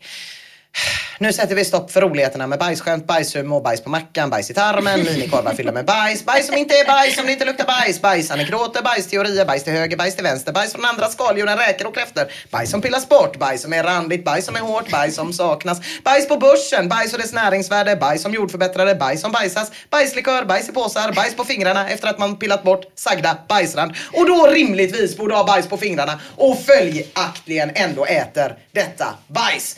Efter det inlägget så dör ju tråden förstås. Det finns inget kul kvar Nej, att inte- diskutera. Inte prata om någonting i det här jävla landet eller? Nej. Men det kan finnas andra äckliga strängare kräftor och det kan man läsa mer om i tråden. Par slänger fullt ätbara kräftor i soporna och gråter ut i Aftonbladet. T.S. Rati länkar till en artikel om en familj som har köpt en kartong tvärkåta oktoberkräftor som inför parningen har utvecklat Så mycket rom. sädesledare! Som ser ut som tjocka maskar. Som slingrar sig genom hela kroppen. Det ser så jävla äckligt ut. Jag har ingen bild. Ni ska inte behöva se. Aftonbladet skriver familjen tappar aptiten vid åsynen av sädesledarna och klarar inte ens av att äta pajen de hade bakat till kräftskivan. Och Aftonbladets reporter ställer också den ansvariga mot väggen. Varför säljer ni kräftor som har hunnit utveckla sädesledare? Frågar de Daniel Östman på Lobster Seafood Sweden. Det är inget vi strävar efter, svarar Daniel. Så hade han inte svarat om han jobbade på Lobster Seafood Guangdong-provinsen i Kina. Då hade han sagt för att det är så jävla gött. Sädesledare är, alltså, ah, fy fan. Det är för äckligt. Ja, men det jag tyckte också var för hårt att kasta pajen. Ja, det var faktiskt lite var för hårt. hårt att kasta pajen. Men det för mig faktiskt till den vidrigaste kräftdiskussionen av dem alla. Avslutningsvis, havskräftor eller insjökräftor? Nej, jag skojar bara. Det blir absolut ingenting. Den här debatten som människor utan personlighet har positionerat sig stenhårt i för att verka som intressanta personer. Den måste få ett slut. Jag drar min gräns där. Vi kommer inte diskutera det här. Jag har tidigare gått ut från kräftskivor där den här diskussionen dras igång. Vi ska inte heller ha passionerade samtal om vad som är godast. Gröt eller yoghurt. Eller lax eller torsk. Ingen ska någonsin mer säga ja, jag är ju från Göteborg så jag är ju uppvuxen med havskräftor. Ingen bryr sig om vad du är uppvuxen med. Och till dig som lyssnar och hamnar i en sån här diskussion på kräftskivan. Gör som jag gör. Gå. Gå bara. Eller säg, ja ja skitsamma. Men vad tror ni om att kräftorna försöker ta över Tullinge? Eller äter ni bajssträngen? Eller de kan väl inte känna smärta de här? Nom, nom, nom, nom, nom, nom, nom. Åh fy fan. Det blir en vegetarisk kräftskiva i år. Blir det? Med kräftor och räkor och bacon. Men du, Blir det. Det blir det. Jag, jag blev lite sugen på att gå in på den här grejen och bara äta klor. Som det var någon som gjorde. Mm. Det tyckte jag var bra. Och jag, han, han ramlade faktiskt över att det finns en krabba som heter vinkarkrabban. Alltså a.k.a. Sig Heil-krabban. A.k.a. maratonronkkrabban. Som har en svinstor Karl Alfred-arm. Ja. Och en helt vanlig. Mäktigt ändå. Ja, det är Mycket mäktigt. mäktigt. Ja. Heilarmen. Heilarmen. Så jävla stark. Den är jag jättesugen på, eh, på faktiskt. Den får man väl äta. Mm. Den får tror man jag. Den får man äta. Visste ni att kräftkonsumtionen de senaste 20 åren har ökat med 458 procent i Sverige? Det är datasnacksandet. Ja, det, Ja, måste, det måste det vara. vara det. Vi äter nästan fem gånger så mycket kräftor som vi gjorde år 2000. Uh, fan vad äckligt. Jag vet! varför gör vi det? Jag måste sluta. Jag Ja. vet inte men det känns ju som att så här, 2000 var ändå kvar i gammelmats. Alltså då var det ju fortfarande så fiskpanetter Ja. och torskrom. Typ. Det var ju fattig Sverige fortfarande. Och sen så har väl folk fått pengar. Nej, Ja, jag, är vet, jag ska fan inte äta kräftor mer. Det är fan för äckligt. Åh, gud äckligt. Jag får ju, sen du hade den här valpratan, så är Mm. ju typ, hela min Instagram bara fylld av valar av någon jävla Ja. orsak. Dels för att folk har skickat det till Jag vill oss. återigen också säga Ja. tack så jättemycket Ja. Mm. till alla ni som till mig personligen skickar klipp på valar. Jag blir lika glad varje gång. Eh, ett av de här klippen i alla fall, någon kanske har skickat det till dig när det är en val som har för vana att köra fram till människor på båtar och be dem ta bort, när det har vuxit lite sån här eh, snäckor och skit på ryggen. Så kör han fram och så får de liksom skrapa bort det så han så tack tack och så kör han vidare. Och så kommer han tillbaks lite senare när det har vuxit nya snäckor och så får de krafsa bort dem. Ja, jag, jag brukar ju inte titta på de här klippen. så Jag brukar bara blocka personerna som skickar dem till Så mig. Men, gulligt. Ja, Mm. Ohyggligt gulligt. ja. Ha, det här med att köpa en ny bil, det är ju ett otroligt jävla ångestfyllt moment i livet. Det är ju så pissfitt dyrt att det nästan blir existentiellt när man ska bestämma sig. Och då är det ju extra beklagligt att bilköpandet inte följer de naturlagar som styr de flesta andra köp. För i normala fall så googlar man sig ju fram till ett svar. Alltså vilken är den eh, allra bästa badrumsfläkten? Vilken har blivit bäst i test? Eller vilken smart klocka har längst batteritid när den kör på LTE? Vilken datorskärm använder geeksen? Eller så frågar man bara dig. Eller, ja, precis. är och sätter mig i en researchpsykos. För det är jag väldigt, väldigt bra på. Men man får ju alltid svar. Men med bilar så är det annorlunda. Alltså det finns inga raka svar. Det finns såklart en massa tester, men de visar väldigt sällan samma vinnare. Och en vinnare i ett test kan vara förlorare i ett annat. Nej, vad jobbigt. Jag menar det. Och ska man ha en begagnad bil, vilket jag alltid ska, då är det egentligen bara att blunda och kasta pil rätt in i blocket. För ingen fakta kan hjälpa en. För även en tjejkörd Volvo kan ha en prematurt försvagad kamrem, Ina. Åh, för fan vad jobbigt. Det är så, och så kostar de ju så 400 000. Nej, men alltså jag får påslag direkt. Ja, jag själv jag höll på att behöva umedala mig när jag gjorde research inför köpet av min senaste begagnade bil. Eh, internets brist då på entydiga svar, det drev mig till total jävla sömnlöshet. Och till slut var det bara att bita ihop och acceptera att jag var tvungen att gå på 40% riktigt osäker kunskap och 60% känsla. Åh nej, inte känsla för Precis- dig. Nej, det är fruktansvärt. Men precis som alla andra gubbar där ute som alltid kör Audi för att deras pappor gjorde det. Eller radar upp Toyoter längs livslinjen för att det var den första bilen de ägde och den luktar frihet. Och när man grundar ett så stort beslut på känsla, då är det jävligt svårt att öppna för möjligheten att man gjorde fel val och acceptera att ens känslor ledde in en i ett ekonomiskt fördärv. För egen del hade det kunnat rasera hela min självkänsla som ni förstår är byggd på en riktigt fuktig torpargrund. Därför går jag nu runt i livet och måste övertyga mig själv och andra då om att Nissan Qashqai från 2014 utan både dragkrok och backkamera trots att man verkligen behöver det. Ja, det är ta fan värd världens genom tiderna bästa bil. Det mantrat är mitt ruttnande fundaments undermåliga lilla självdrag. Och den vana Flashback-scrollaren vet eventuellt vart jag är på väg med den här ganska konstiga inledningen. Fy fan vad man är, man är lite ringrostig känner jag. Jag blev jätteglad av inledningen. Ja, jag, jag tyckte den var väldigt fin. Ja, fint. Men jag ska i alla fall prata om en ganska känd Flashback-profil. Och framförallt så har han gjort sig ett namn i bilforumet. Men man behöver inte hänga särskilt aktivt just där för att ta del av hans verk. Nej, hans trådar som handlar om hans liv tillsammans med sin elbil, Renault Zoe, är så välbesökta och vällästa att de titt som tätt tar sig hela vägen till populärt-sidan på Flashback. Det är ganska ovanligt ska jag säga er för biltrådar. Har ni sett någon? eh, Har, har Nej, ni, nej, det känns... Det, känns som väl- att det är listtrådar bara bil. Ja, Vilken det ska event- köpa? Ja, Mm. eventuellt när liksom det är någon som startar någon sån hur mycket de hatar elbilar-tråd. Ja, Då kan den precis. dyka upp där, men inte ofta. Nej. Nej, precis. Då blir det ju mer eh, ideologiska Ja, men diskussioner. precis. Mm. Nej, men allting började en solig majdag 2018. Användaren Bab 7, som jag här efter kommer kalla för Babs, för det är så de andra kallar honom i den här tråden. Han startar då tråden “Har beställt en elbil, en Renault Zoe”. Allmän diskussion kring valet av bil. Trådstarten lyder så här. Jag har funderat ett tag och gjorde slag i saken igår och beställde en elbil. Det blev en Renault Zoe. Bilens slutpris blev 364 000 men då ingår en väldig massa utrustning såsom inbyggd navigation, komfortpaket, citypaket, keyless go, DAB+, metallic och en massa annat. Varför valde jag då en Renault Zoe? Jo, jag har jämfört alla bilar på marknaden och kommit fram till att Renault Zoe erbjuder för mig den bästa helhetslösningen. Bilen är rymlig och bekväm för sin storlek, den erbjuder en bättre räckvidd än de flesta konkurrenter och den ser trevlig och modern ut. Samt mycket hög krocksäkerhet, bäst i sin storleksklass och fem av fem stjärnor i Euro NCAPs krocktester. Dessutom är den fransk, vilket var ytterligare ett argument. En asiatisk bil skulle jag aldrig köpa. Här kan vi diskutera allt kring elbilen Renault Zoe, fördelarna, eventuellt nackdelarna, allmänna frågor och andra funderingar kring modellen. Ja, Ja. Babs, han har ju bestämt sig. Ja, Alltså, vilken jävla fackla att kasta in på internet. det är en fackla, det, var får man det. verkligen säga.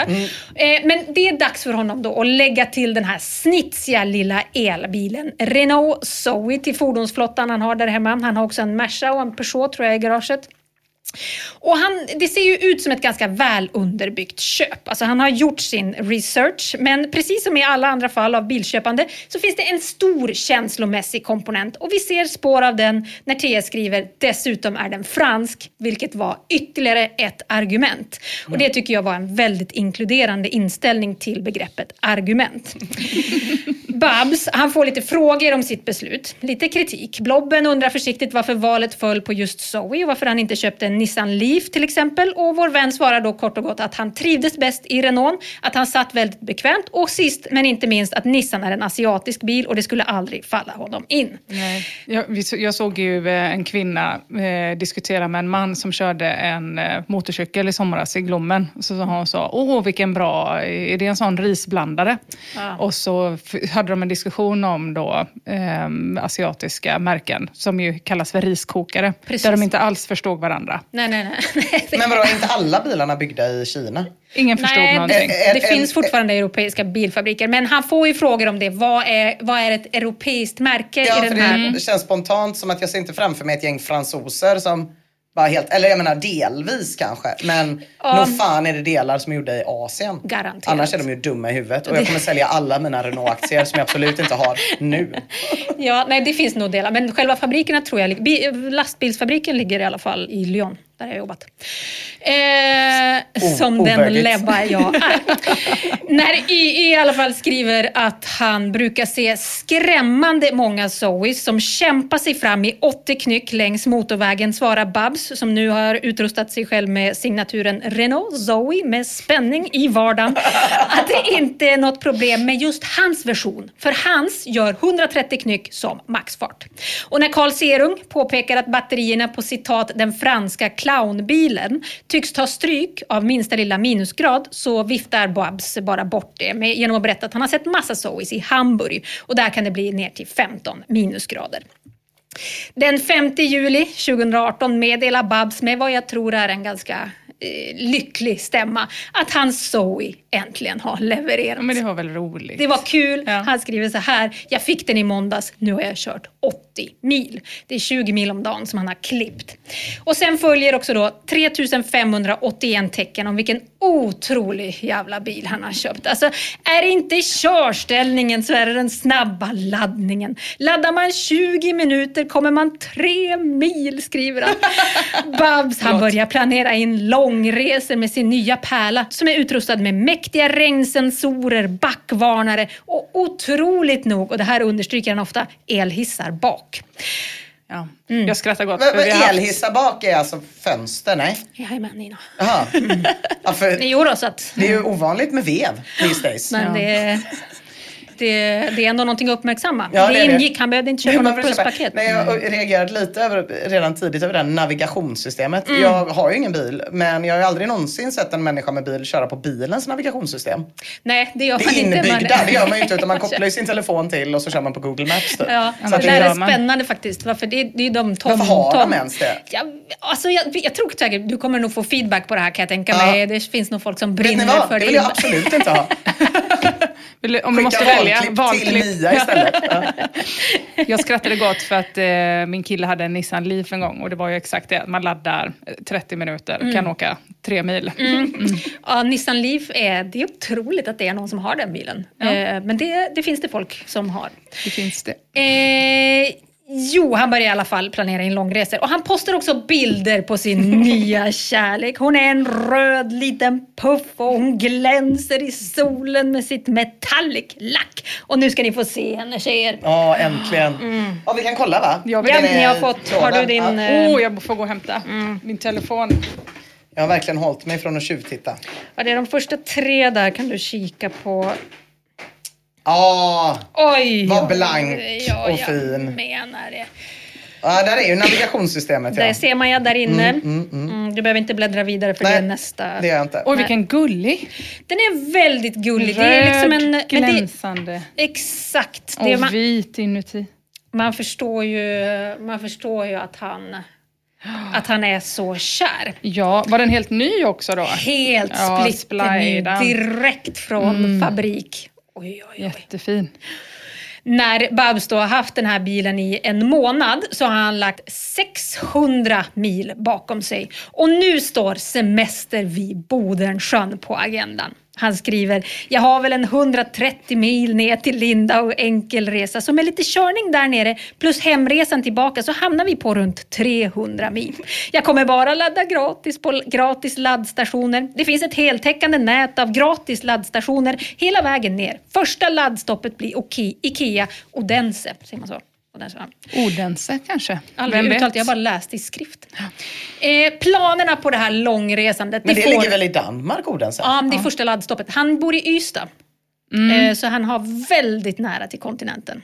Ja, jag trodde ah, Bodensjön. Jag trodde han skulle lägga... Boden, ja, Bodensjön i Schweiz där. Aha, jag trodde det låg i Boden. Aha. Ja, så jag bara, okej nu har han bara valt en random sjö som ligger svinlångt bort bara för att få köra riktigt långt. Men, ja, nu förstår jag färdvägen. Nej, Nej, men det skulle kunna vara ett dåligt uttal, även det av mig. Jag har, jag har ingen aning om vad sjöar heter Nej. i Schweiz. Nej, inte jag heller. Jag vet bara att vi säger att den heter Boden. Jag har hört att det finns något som heter Boden bara.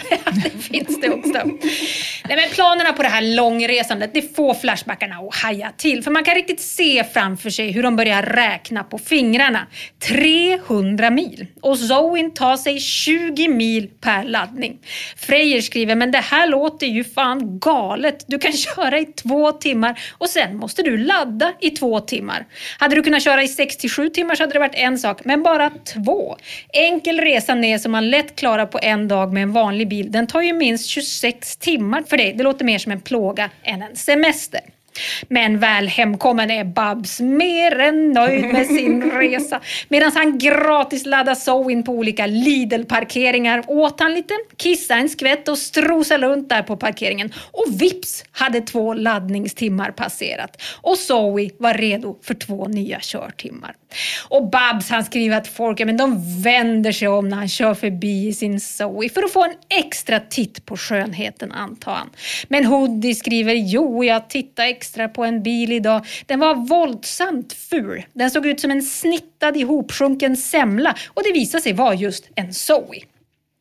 Men Babs han låter sig inte komma i gungning trots det här enorma motståndet som han möter i sin tråd. Renault Zoe är marknadens bästa elbil. Så är det bara. Och han vill nå ut med det budskapet. Han postar försäljningsstatistik varje månad och slutsatsen den är enkel. I princip alla vill ha en Zoe och han är en av alla lyckliga ägare till den här snabbladdande, bekväma, säkra och mycket, mycket vackra skapelsen.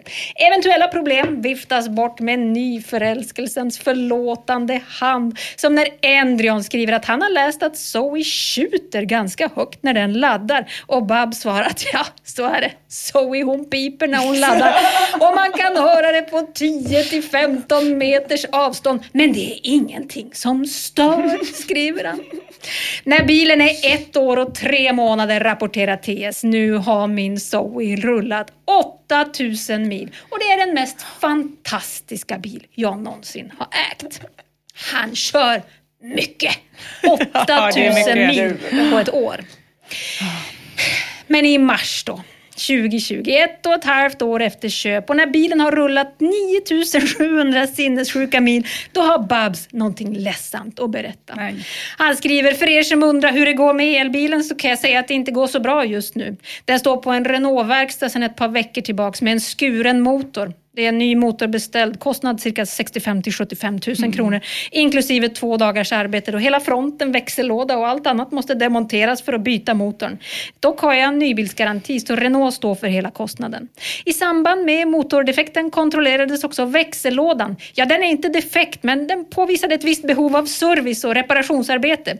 Oljenivån var tydligen låg och det fanns lite metallspån i lådan. Motorn, arbetet med växellådan OSV kommer kosta runt 100 000 kronor. Men allt går på nybilsgarantin så jag slipper betala. Jättebra ju. Det var bra, men det var ju också ett mörker för Babs. För även om det är positivt att Renault tar kalaset så står den ju på verkstaden i tre månader. Men jag tycker också att han är ganska modig som då berättar om det här. För han måste ju ha förstått vad som skulle hända. Att olyckskorparnas Bavaria sa skulle tjuta i öronen på honom likt Zoes högfrekventa laddningspip. Efter tre månader på verkstad får han tillbaka sin älskling med en splitter ny motor. Han skriver bilen går nu helt fantastiskt bra med den nya motorn. Tyst och fint. Nu har jag haft den i ett år och tio månader och jag kan verkligen rekommendera den starkt. En bättre bil är svårt att hitta. Zoe bjuder på god komfort och härliga köregenskaper, modern teknik och snygg design och mycket låga ägandekostnader. Just det. det är bara detaljen då att man måste byta ut allt, inklusive Hela motorn, motorn. efter Hela ett år. motorn. Ja. Ja. Det, det var Men en vilken detalj. bra bil. Men Ja. vilken En gång om året bara. bil. Precis. Han verkar ju som sagt sitta i sin Zoe så ofta han bara kan. Efter två år meddelar han att han har tagit sig 12 000 mil och det är lika långt som min bil har gått på 10 år för info. Och du kör mycket. Jag kör ganska mycket. Han postar också nya bilder på sin pärla. Titta, här skriver han. Nästan inget slitage alls. Det finns inte ens reper på dörrtrösklarna och enligt Babs beror det på att han har lärt sin sambo hur hon ska lyfta på fötterna när hon kliver in i bilen för att inte nöta ner Zoe. Han skriver det är fortfarande många som vänder sig om och tittar efter bilen när jag kör. Ja, trots det där lilla motorhaveriet så verkar kärleken starkare än någonsin. På samma gång är det någonting som är lite annorlunda. Babs språk har förändrats lite. Den tidigare ganska väl formulerade och behärskade Babs, han introducerar nu invektiv i sina inlägg. Han börjar kalla folk som skriver att han ska sälja skrället för pajaser och idioter. Han är lätt irriterad. I den stora Zoe-tråden förblir han lojal och postar försäljningsstatistik och säkerhetstester som allihopa talar till Zoes fördel. Men parallellt, i andra trådar han startar, märks det att allt inte riktigt står rätt till. Som i tråden klonkande ljud vid körning på ojämn väg. Vad är defekt? Där han skriver “Jag har en Renault Zoe”.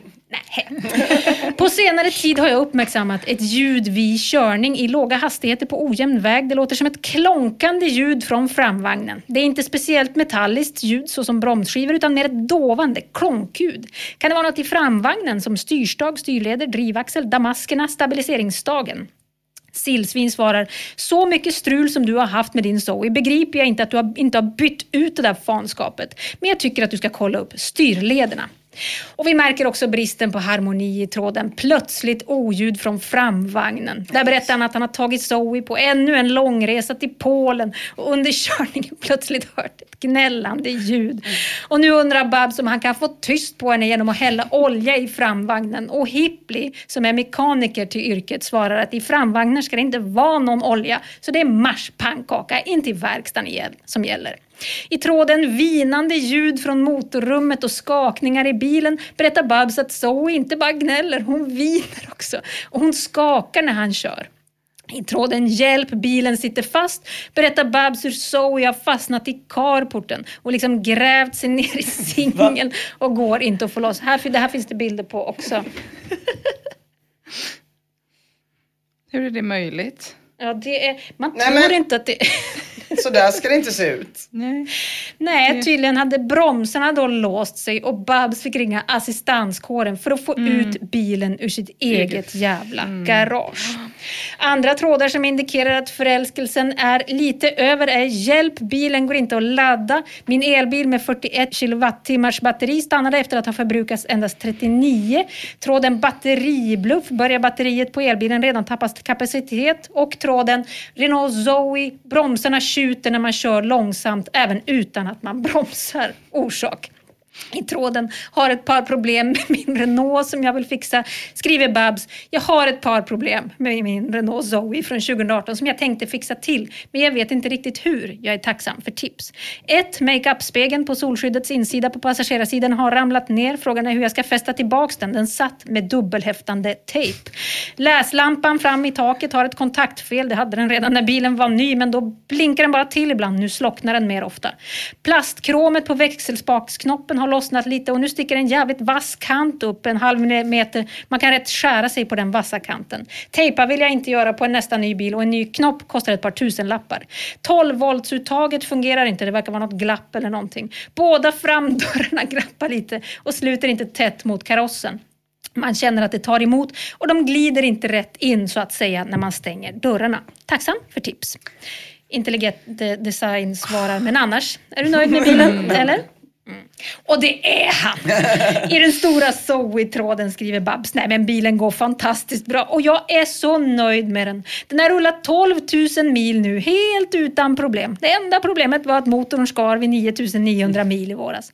Det jag gillar mest är den perfekta körställningen och att man sitter högt och luftigt i en mycket rymlig kupé fram till. Dessutom gillar jag den snygga designen. Jag tycker bilen ser riktigt modern och futuristisk ut, såväl som invändigt. Alla i min bekantskapskrets har varit imponerade när jag har visat bilen Ja, för dem. De har inte haft så mycket val känns det som. Nej, Nej. det är väl det. Han åker på fler långresor. Ibland är det kämpigt. Som när han skulle till Hamburg, en sträcka på 50 mil från hans hem då i södra Skåne. Tyvärr tog det 13 och en halv timme eftersom att han drabbades av besvärliga körförhållanden. Det var motvind och ibland också regn och det gillar inte Zoe. I juli 2021 skriver Babs, nu tre år senare kan jag göra en kort sammanfattning. Min Zoe är nu exakt tre år gammal och har rullat 15 800 mil. Och ja, jag gjorde rätt val. Jag är fortfarande enormt nöjd med den här bilen. Det är helt klart den bästa bil jag någonsin har haft. Den är liten och smidig, mycket trevlig att köra och väldigt fin att åka i. Den är snygg, modern, trendig och jag tycker den ser lika läcker ut i sin röda metallack idag som den dagen jag hämtade ut den för tre år sedan. Med en Renault kör man inte bara en bil, man förvaltar också en liten bit europeisk kultur och historia. Någonting som jag tycker att alla borde värna om och vara stolt över. Och trots att Renault Zoe är Europas mest sålda elbil så är det ändå lite speciellt att äga en Zoe. Igår kväll stannade en annan Zoe vid sidan om mig vid rödljuset. Det var en exakt likadan som min i samma ovanliga lack, den exklusiva lacken Bourgogne röd metallic. Vi hälsade på varandra och gjorde tummen upp. En, en fin gest Zoe-ägare emellan. Gör du också det när du åker med din bil? Hade, om jag inte hade haft självkontroll hade jag lätt gjort det. I augusti 2021 är det dags för den allra första besiktningen. Bab skriver besiktningsmannen berömde bilen och sa att den var otroligt fin. Han kunde inte tro att den har rullat 16 000 mil. Han sa otroligt vad du håller den i fint skick måste jag säga. Bilen var tipptopp förutom en grej. Spindelleden måste bytas. Det är helt okej efter 16 100 mil. Men räknar han då själva hur, långt karossen har åkt eller hur långt motorn? Han får lite frågor om det. För Kan- Vad är 16 000 liksom? Mm, nej, precis. Eh, han räknar sen han hämtade ut den. Just det. Så kan vi säga. Ja, så det är inte motorn som har gått 16 000 mil. Det är liksom fönstren, Det elhissarna där bak som har gått Precis, 16 000. Ja, bara Exakt, så det är det yttre. Ja. Nej men det är kvalitet det här. En otrolig jävla bil. Fem dagar efter besiktningen rasar växellådan ihop för andra gången. 15 000 kronor kostar reparationerna. Och Babs han skriver att han tycker att det är bra att det händer nu och inte om två veckor när han ännu en gång ska pressa sin Zoe till det yttersta med en Parisresa. Nu har han också för övrigt börjat koka kaffe och soppa i bilen under två timmars laddningarna när 12-voltsuttaget tillåter det vill säga. Ja. Jättemysigt. Och jag tycker också att vi ska skänka en tanke till hans sambo som är med på alla de här Ja. resorna. Där de lyfter på laddar på, fötterna. Leader-parkeringar eh, i två timmar. Lyfter på fötterna jätteduktigt. Hemkommen från den här resan då och nu med totalt 17 000 mil bakom sig i sin Zoe skriver han att allt gick toppen. Det blir som vanligt högsta betyg till Zoe.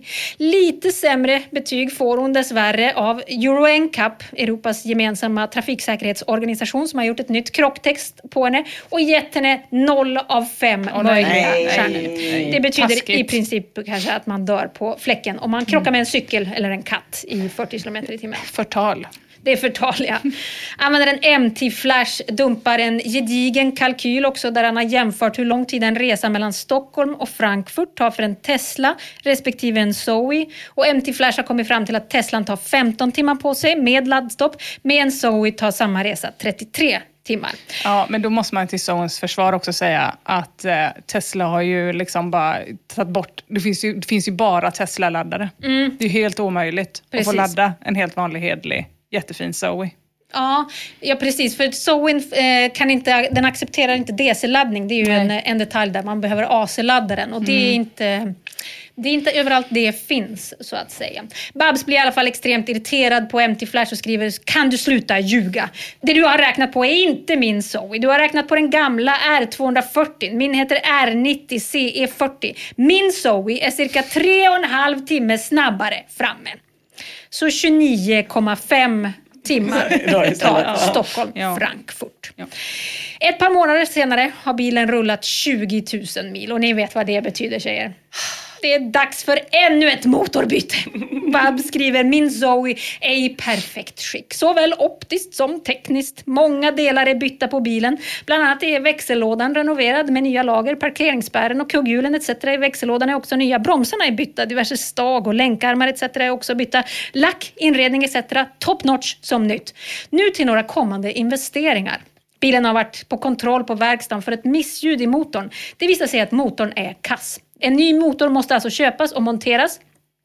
Investeringen uppgår till 52 000 kronor. Investering. Mm. Ja, spännande ordval. Facit. Då växellådan redan är helrenoverad och jag investerar nu i ännu en ny motor med tillhörande delar. Så allting kring motor och växellåda är bytt och nytt. Det är kanske dyrt men då är allt nytt och sen lär bilen vara fit för 30 000 mil. Ja.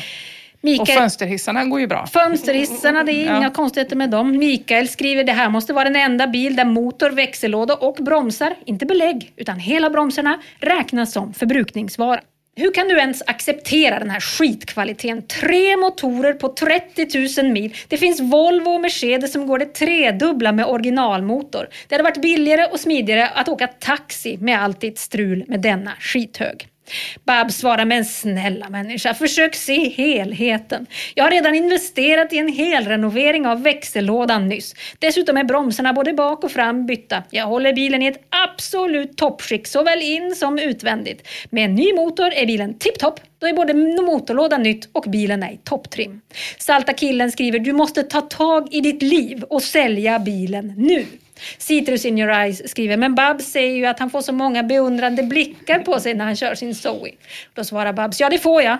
Min Zoe är röd metallic med vit inredning och svarta stolar med vita kanter. Den drar blickarna till sig och alla jag känner har sagt att den är jättefin och ser riktigt modern och fräsch ut. Även när jag är ute och kör runt om i Europa och står och laddar så händer det ofta att folk stannar till och snackar lite. Ofta säger de att bilen ser väldigt, väldigt fin ut. Den röda färgen blänker vackert i solen som du kan se här. Och så postar han då ännu en bild på sin helt vanliga lilla bil vars blänkande kaross döljer så många sorger. När Zoes tredje motor i ordningen är på plats är det dags för ännu en lång resa. Bab skriver jag är tillbaks i Frankfurt nu. Jag har kört cirka 400 mil hittills. Det är 20 laddstopp. Bilen går helt jävla underbart. Den rullar så tyst och fint, extremt stabilt och stolarna är bekväma som alltid. Det är helt otroligt att en bil som som har rullat 20 000 mil kan kännas som ny när man kör den.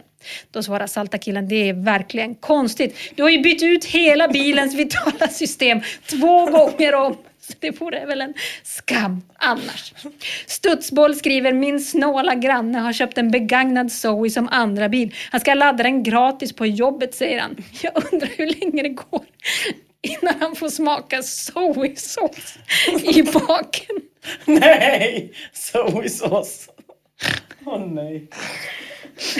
Babs, Babs, Babs avlägger ännu en av sina patenterade rapporter. Han skriver, jag är hemkommen från Polen nu.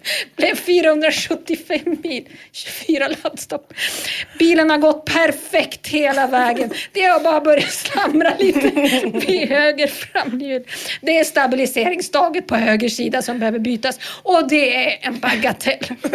Nu har den rullat 21 500 mil och bilen känns fortfarande som ny. Och i en rapport från maj i år skriver Babs, bilen går fortfarande som en klocka. Jag måste dock byta höger länkarm nu, men det är helt okej efter 23 500 mil. Kostnad bara 5 900 kronor. Ja. Och nu i juli skrev vår vän Babs 260 sidor in i den här tråden. Nu har min Zoe rullat 24 000 mil. Den bara rullar och rullar. Den är fortfarande i princip i nyskick. Under de senaste 12 månaderna har jag lagt mindre än 10 000 kronor i reparationer. Nästa vecka får Zoe nöta autobahn igen. Då bär det av till Tyskland. Ja, hörni, tänka sig vilken kärlekshistoria vi har fått ta del av mellan den lojala och passionerade Babs och hans lilla röda Zoe med det komplicerade inre livet. Alltså, Jag är jätteledsen, jag har faktiskt inte kunnat höra något du har sagt de senaste två minuterna för jag har bara suttit och skrattat åt att man ska få smaka Zoe-sås. Efter det har jag inte kunnat koncentrera mig på någonting du har sagt. Jag fattar att det är roligt, jag ska lyssna på det efteråt. Men jag är fortfarande kvar i det. Det var, Fan vad roligt skrivet. Vet du vad, när jag läste det så, så skrattade jag så mycket så jag var tvungen att gå i säng. Då hade jag suttit och läst den här dumma, dumma tråden i två dagar och sen kom jag dit och då, då gick det och så att han är så snål grannen och ska få smaka sojsås. Gud, Åh, jag kan inte släppa det. Åh, Fy fan vad roligt. Jag har skrattat åt det hela dagen. Åh, Gud.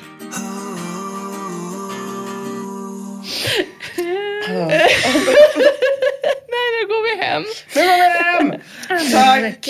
Tack så jättemycket. Nu går vi till sängs. Nu går vi till sängs. Ja, Tack så mycket Flashback. Ja, tack till våra patroner. jo, tack alla som lyssnar. Vi hörs om en vecka igen. Hej! Hej då!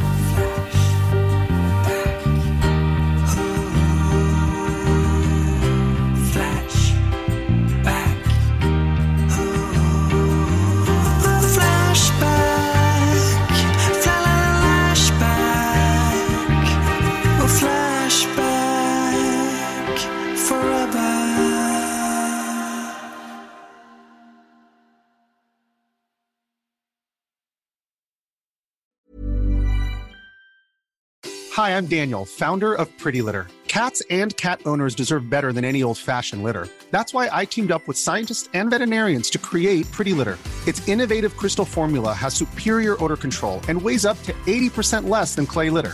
Pretty Litter even monitors health by changing colors to help detect early signs of potential illness. It's the world's smartest kitty litter. Go to prettylitter.com and use code ACAST for 20% off your first order and a free cat toy. Terms and conditions apply. See site for details. Planning for your next trip? Elevate your travel style with Quince. Quince has all the jet setting essentials you'll want for your next getaway, like European linen, premium luggage options, buttery soft Italian leather bags, and so much more. And is all priced at 50 to 80% less than similar brands. Plus, Quince only works with factories that use safe and ethical manufacturing practices. Pack your bags with high-quality essentials you'll be wearing for vacations to come with Quince. Go to quince.com slash pack for free shipping and 365-day returns.